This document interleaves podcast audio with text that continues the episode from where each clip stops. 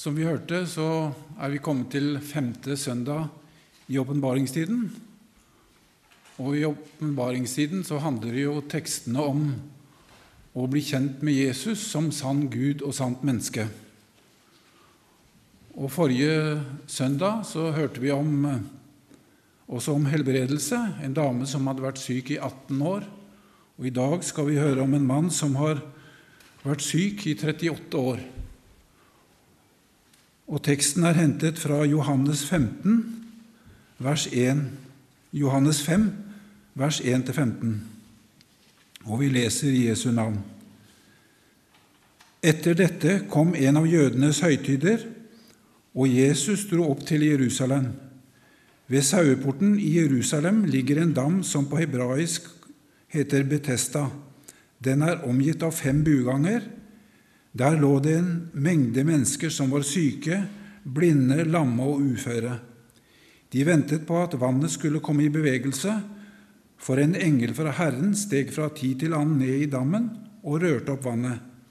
Den første som steg ned i dammen etter at vannet var blitt rørt opp, ble frisk, uansett hvilken sykdom han hadde. Det var en mann som hadde vært syk i 38 år. Jesus så ham ligge der og visste at han hadde vært syk lenge, og sa til ham, vil du, bli, vil du bli frisk?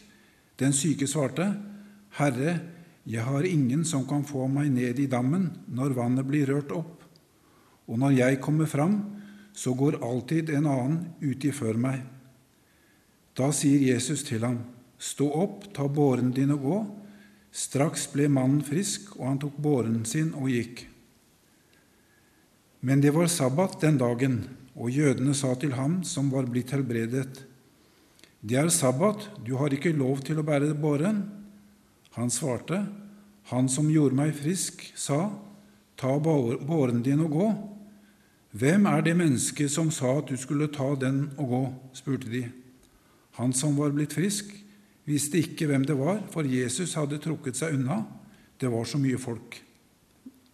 Senere fant Jesus mannen på tempelplassen og sa til ham, Nå er du blitt frisk, synd ikke mer, for at ikke noe verre skal hende deg. Mannen gikk da og fortalte jødene at det var Jesus som hadde gjort ham frisk.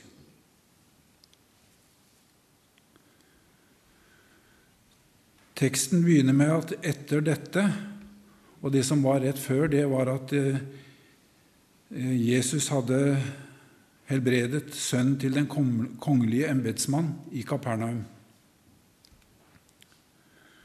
Og Saueporten var en av de ti portene som førte inn til Jerusalem. Gjennom denne porten så blei offerdyrene ført. Og i, og i den nordøstlige delen av byen, i nærheten av tempelet, kjøpte man sauer til ofringene. Og ved dette torget lå Betestadammen. Og Betesta det betyr barmhjertighetens hus. Og det var her det lå en mengde mennesker som var syke. Og det som skjer her ved dammen, er noe merkelige greier.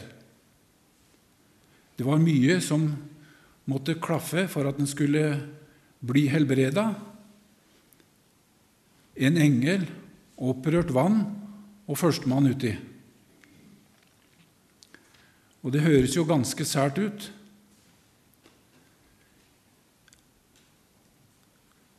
Herrens, at en Herrens engel skulle skape så mange frustrasjoner.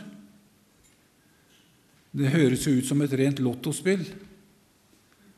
Hvem som blir helbredet, og hvem som ikke blir helbredet. Og at en må vente, og kanskje i hele 38 år. Og vi har ingen andre vitnesbyrd eller beskrivelser av det som foregikk her. Heller ikke av Jesus eller Johannes.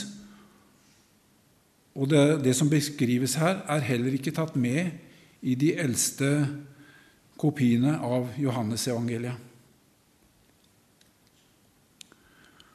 Og på denne plassen, eller dette torget, så lå det da en masse mennesker. Og det var høytid, og det var mye folk som gikk forbi. og den lå slik til at det flest mulig skulle passere forbi, sånn at de kunne bli sett av flest mulig, alle med det samme håpet om at noen skulle vise barmhjertighet. Og Folk hastet forbi, og Jesus var også på vei til å feire høytid. Men Jesus stopper opp og ser den ene mannen som ligger der. Og så spør han vil du bli frisk. Det var kanskje et litt rart spørsmål til en som har ligget syk i 38 år. Var ikke det svaret en selvfølgelighet? Og Vi husker en lignende episode med Bartimeus, som Jesus møtte, og som var blind. Og hvor Jesus spør, 'Hva vil du at jeg skal gjøre for deg?' Kunne ikke Jesus bare sagt 'bli seende', eller til denne mannen 'reis deg opp'? Nei, Jesus viser det enkelte mennesket respekt, og han vil lytte til deres nød.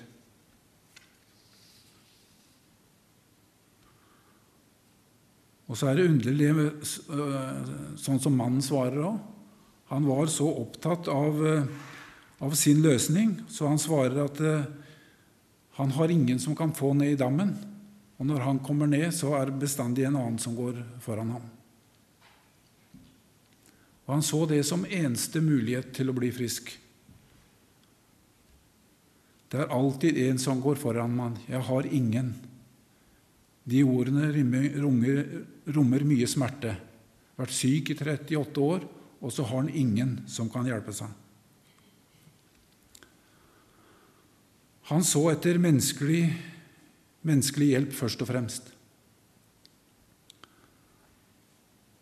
Han hadde ingen som kunne hjelpe ham ned i dammen, og han kjente ikke Jesus. Men Jesus demonstrerer her sin allmakt og sier, 'Stå opp, ta båren din og gå.' Og det hadde vært fullstendig nytteløst for noen annen å si det. Man hadde ikke gått på 38 år, men i Jesu ord var det ånd og liv. Jesus lot, lot seg ikke begrense på noen som helst måte.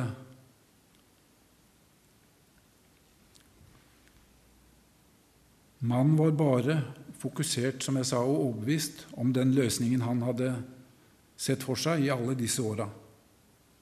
Og han visste jo heller ikke hvem Jesus var. Men helbredelsen var både øyeblikkelig og fullstendig.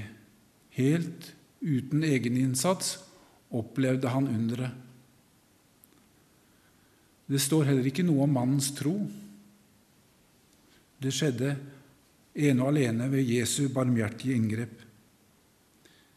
Jesus så ham, den ene blant de mange. Og det var ikke mannen som tok initiativet til møtet, men Jesus. Her som ellers var det Jesus som søkte og fant. Og slik er Jesus. Han er den samme i dag hans allmakt er fortsatt i virksomhet.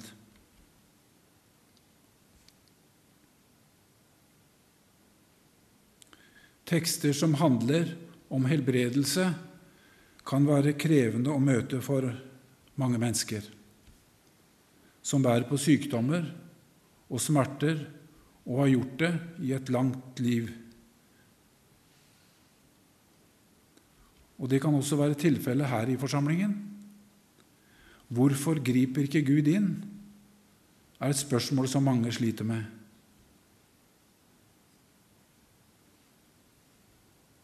Og det kan jo ikke jeg svare på.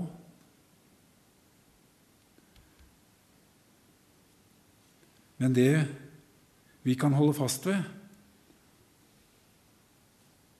er at Gud også går med i de vanskelige dagene. David sier i Salme 23 om jeg enn skulle vandre i dødsskyggens dal, frykter jeg ikke noe vondt, for du er med meg, din kjepp og din stav, de trøster meg. Det var heller ikke slik at alle ble helbredet av de vi møtte i dagens tekst. Det står bare om at det er den ene i mengden som ble helbreda. Hvorfor helbreder jeg ikke Jesus alle sammen?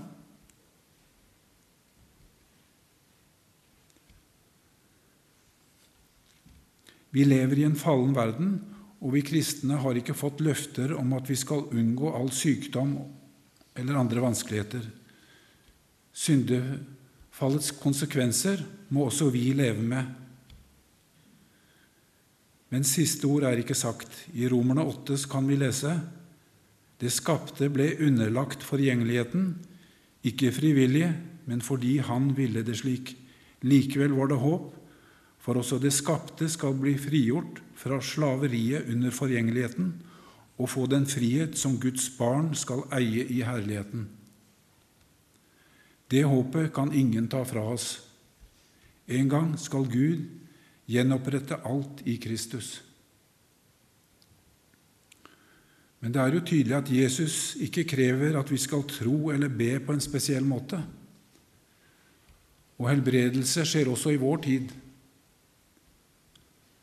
Men Gud er suveren og har den fulle oversikt og handler på den måten han ser er mest tjenlig for oss. I en del land eller kulturer som vi har kontakt med gjennom misjon, kan det se til at Gud arbeider på en annen måte. Her opplever de oftere Guds inngripen på en overnaturlig måte.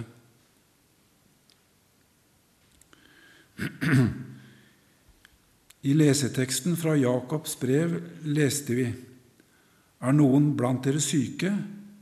Han skal kalle til seg menighetens eldste, og de skal be over ham og salve ham med olje i Herrens navn. Da skal troens bønn redde den syke, og Herren skal reise ham opp. Har han gjort synder, skal han få den tilgitt.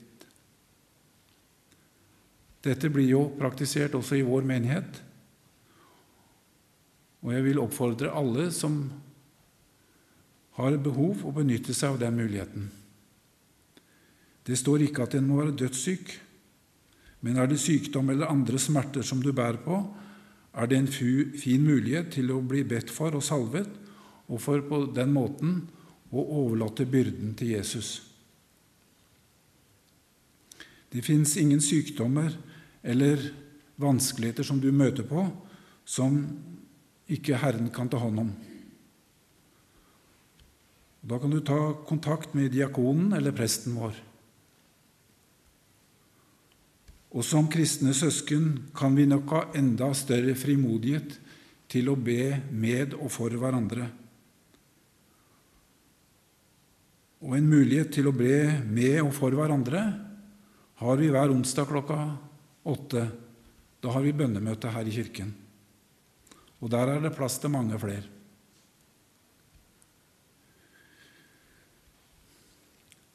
Vi lever i et land med et helsevesen og lege, legevitenskap i verdensklasse, og i vår tid kan vi få behandling for sykdommer, sykdommer og lidelser som vi i tidligere tider aldri kunne få noe behandling for. Vi må takke Jesus for helsevesenet legevitenskaper, medisiner og i disse tider vaksiner. Alt er gaver fra en allmektig Gud. Og gaven og helbredelsen blir jo ikke mindre om den skjer gjennom helsevesenet.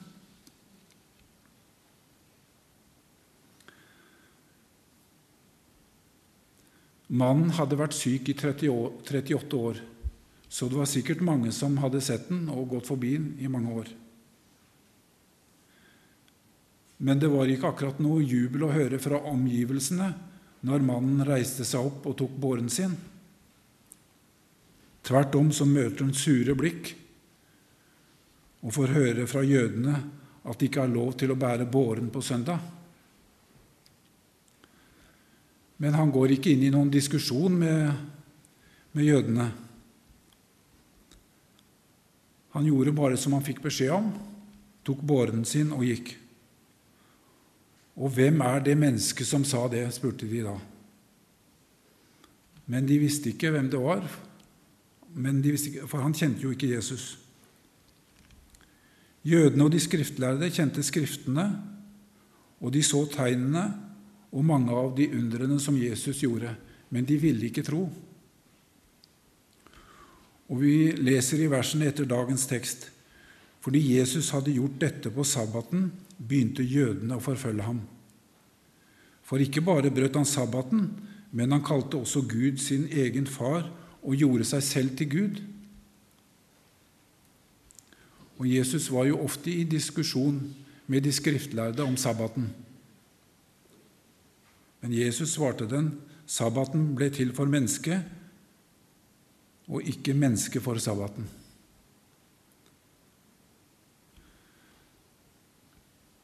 Den reaksjonen som Jesus blir møtt med, hører vi om flere steder i evangeliene. I Johannes 11 leser vi om reaksjonen etter at Jesus vekket opp Lasarus, som hadde ligget fire dager i graven. Da la de planer om å drepe Jesus. Og Fortellingen om helbredelsen er gjengitt med noen få vers her i kapittel 5, mens resten av kapittelet skriver Johannes om den diskusjonen som fulgte om hvem Jesus var. Hvem er det mennesket som sa at du skulle ta båren din og gå? Og det er jo åpenbaringstidens store tema. Og Vi leser litt lenger ute i, i samme kapittel. Dere gransker Skriftene, for dere mener at dere har evig liv i dem. Men det er de som vitner om meg. Likevel vil dere ikke komme til meg, så dere kan ha evig liv. Tro ikke at jeg vil anklage dere hos Far. Den som anklager dere, er Moses, han som dere setter deres håp til. Hadde dere trodd Moses, hadde dere også trodd meg. For det er meg han har skrevet om. Hvis dere ikke tror hans skrifter, hvordan kan dere da tro mine ord?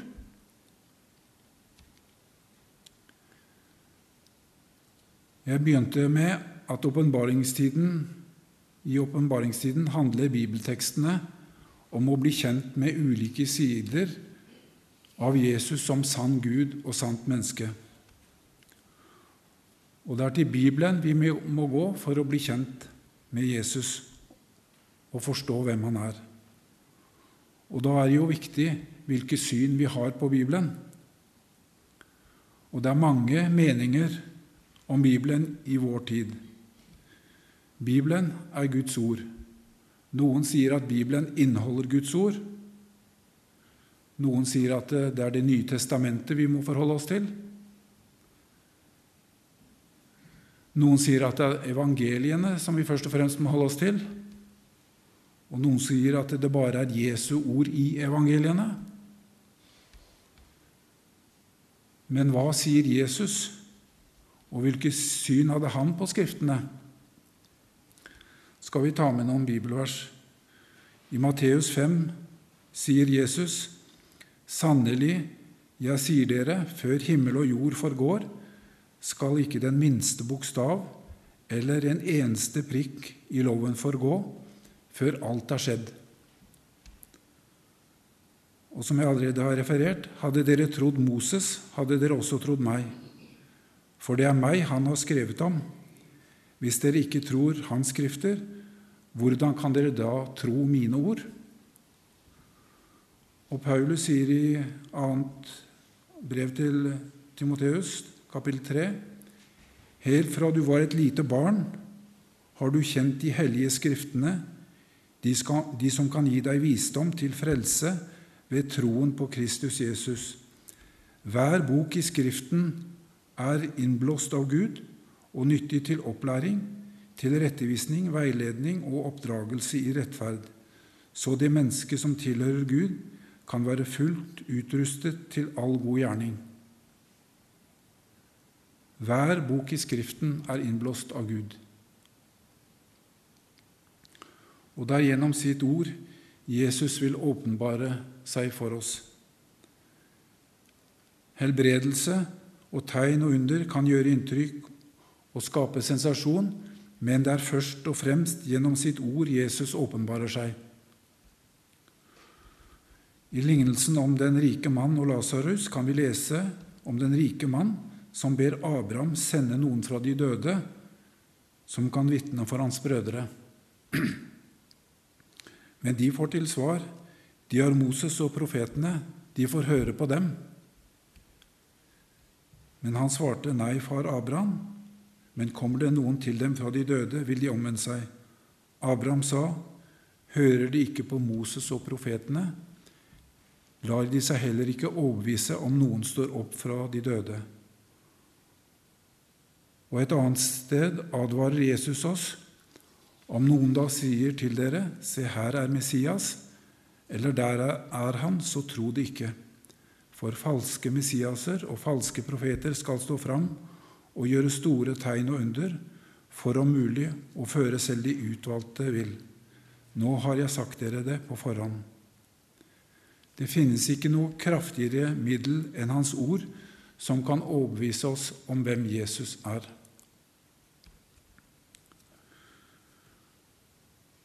Og Mot slutten av dagens tekst så leser vi senere fant Jesus mannen på tempelplassen og sa til ham, Nå er du frisk, synd ikke mer, for at ikke noe verre skal hende deg. Hva kan være verre enn å være syk i 38 år? Hva er verre enn sykdom og lidelse et helt liv? I Markus 8,36 så leser vi hva gagner det et menneske om det vinner hele verden, men taper sin sjel? Vinner hele verden kan jo være et uttrykk for et liv uten sykdom, lidelse og det å lykkes i alt. Tape sin sjel, det å gå fortapt, er verre enn alt som kan møte oss i dette liv. Men da må vi skynde oss til Johannes 3, 16. For så høyt har Gud elsket verden, at han ga sin sønn den enbårne, for at hver den som tror på ham, ikke skal gå fortapt, men ha evig liv. Og dette er det evige liv, at de kjenner deg, den eneste sanne Gud, og ham du har sendt, Jesus Kristus.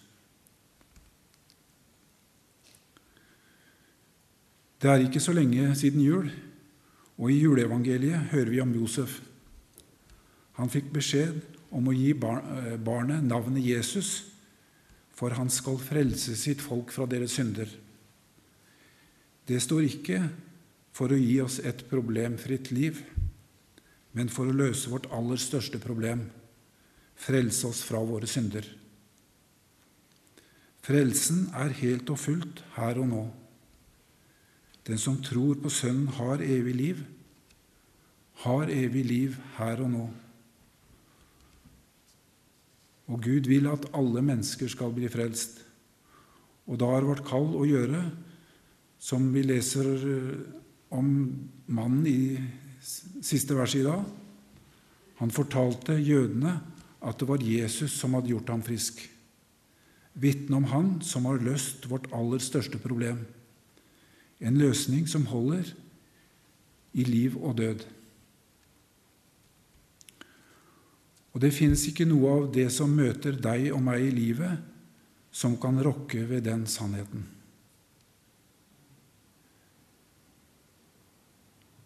Vi avslutter med et vers fra Romerne 8, 38. For jeg er viss på at verken død eller liv, verken engler eller krefter, verken det som nå er eller det som kommer, eller noen makt, verken det som er i det høye eller i det dype eller noen annen skapning skal kunne skille oss fra Guds kjærlighet i Kristus Jesus, vår Herre. Amen.